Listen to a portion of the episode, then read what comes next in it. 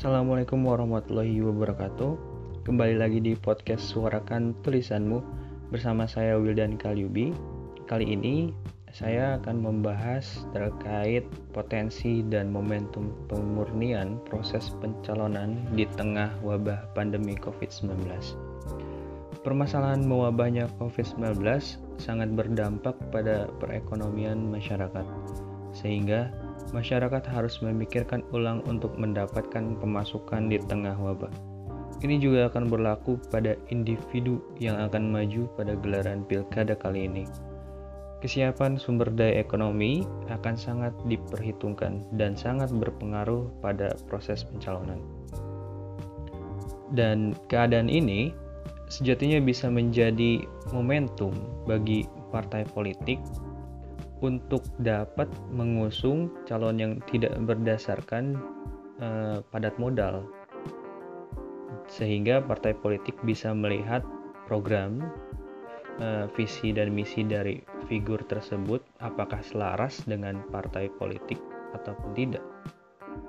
Karena kerap kali budaya pencalonan yang dilakukan oleh partai politik selalu dilihat dari segi ekonomi kandidatnya apakah ia mampu memodali eh, tim kampanyenya atau tidak itu menjadi selalu menjadi permasalahan. Apakah ia bisa membeli suara dari partai tertentu itu juga selalu menjadi permasalahan.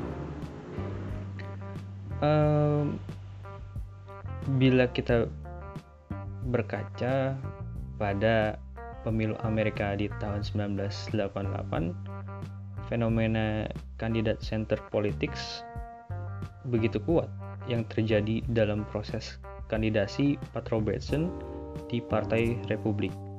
Dan proses kandidasi Pat Robertson dapat menghasilkan spillover dan carryover terhadap George W. Bush yang saat itu menjadi calon presiden mewakili Partai Republik.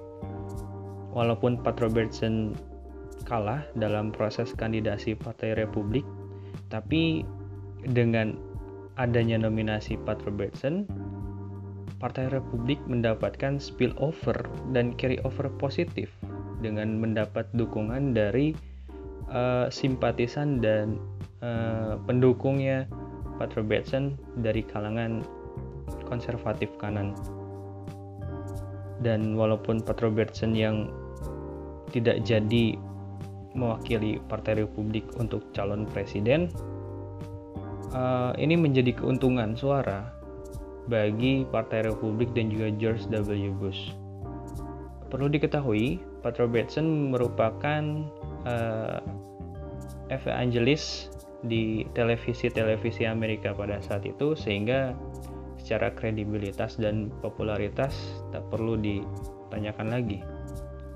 Nah, ini mungkin saja uh, menjadi tipe ideal pencalonan di tengah wabah pandemi Covid kali ini. Karena kerap kali partai politik kita ini uh, melihat kandidat dari segi uh, padat modalnya. Dan kerap kali juga kandidat terbebani untuk membeli perahu dalam pencalonannya sebagai uh, calon kepala daerah.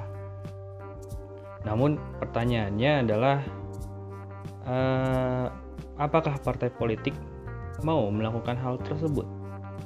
Saya rasa sulit dengan dengan keadaan seperti ini pun untuk memurnikan proses pencalonan juga masih jauh dari harapan.